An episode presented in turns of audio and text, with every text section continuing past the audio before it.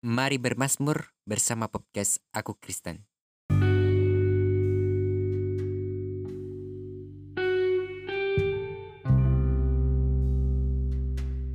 Mari bermasmur bersama-sama dari Mazmur 37 ayat yang ke-23 sampai ayat yang ke-26.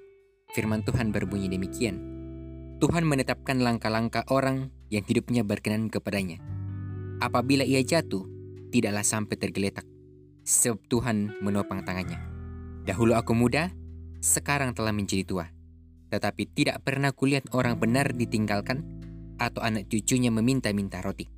Tiap hari ia menaruh belas kasihan dan memberi pinjaman, dan anak cucunya menjadi berkat. Berkat Tuhan selalu turun-temurun.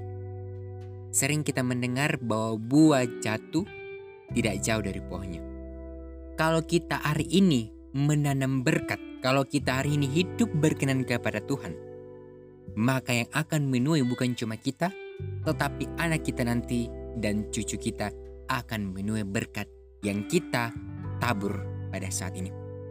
Firman Tuhan mengajarkan kita bahwa kita harus selalu hidup berkenan dengan Tuhan, selalu mentaati perintah-perintah Tuhan. Kalau kita hidup mentaati perintah Tuhan, maka anak dan cucu kita pun juga akan menikmati apa yang kita tabur pada hari ini. Jadi firman Tuhan mengingatkan kita bahwa hidup di dalam Tuhan bukan cuma kita yang menikmati, tapi semua keturunan kita akan diberkati Tuhan. Amin firman Tuhan.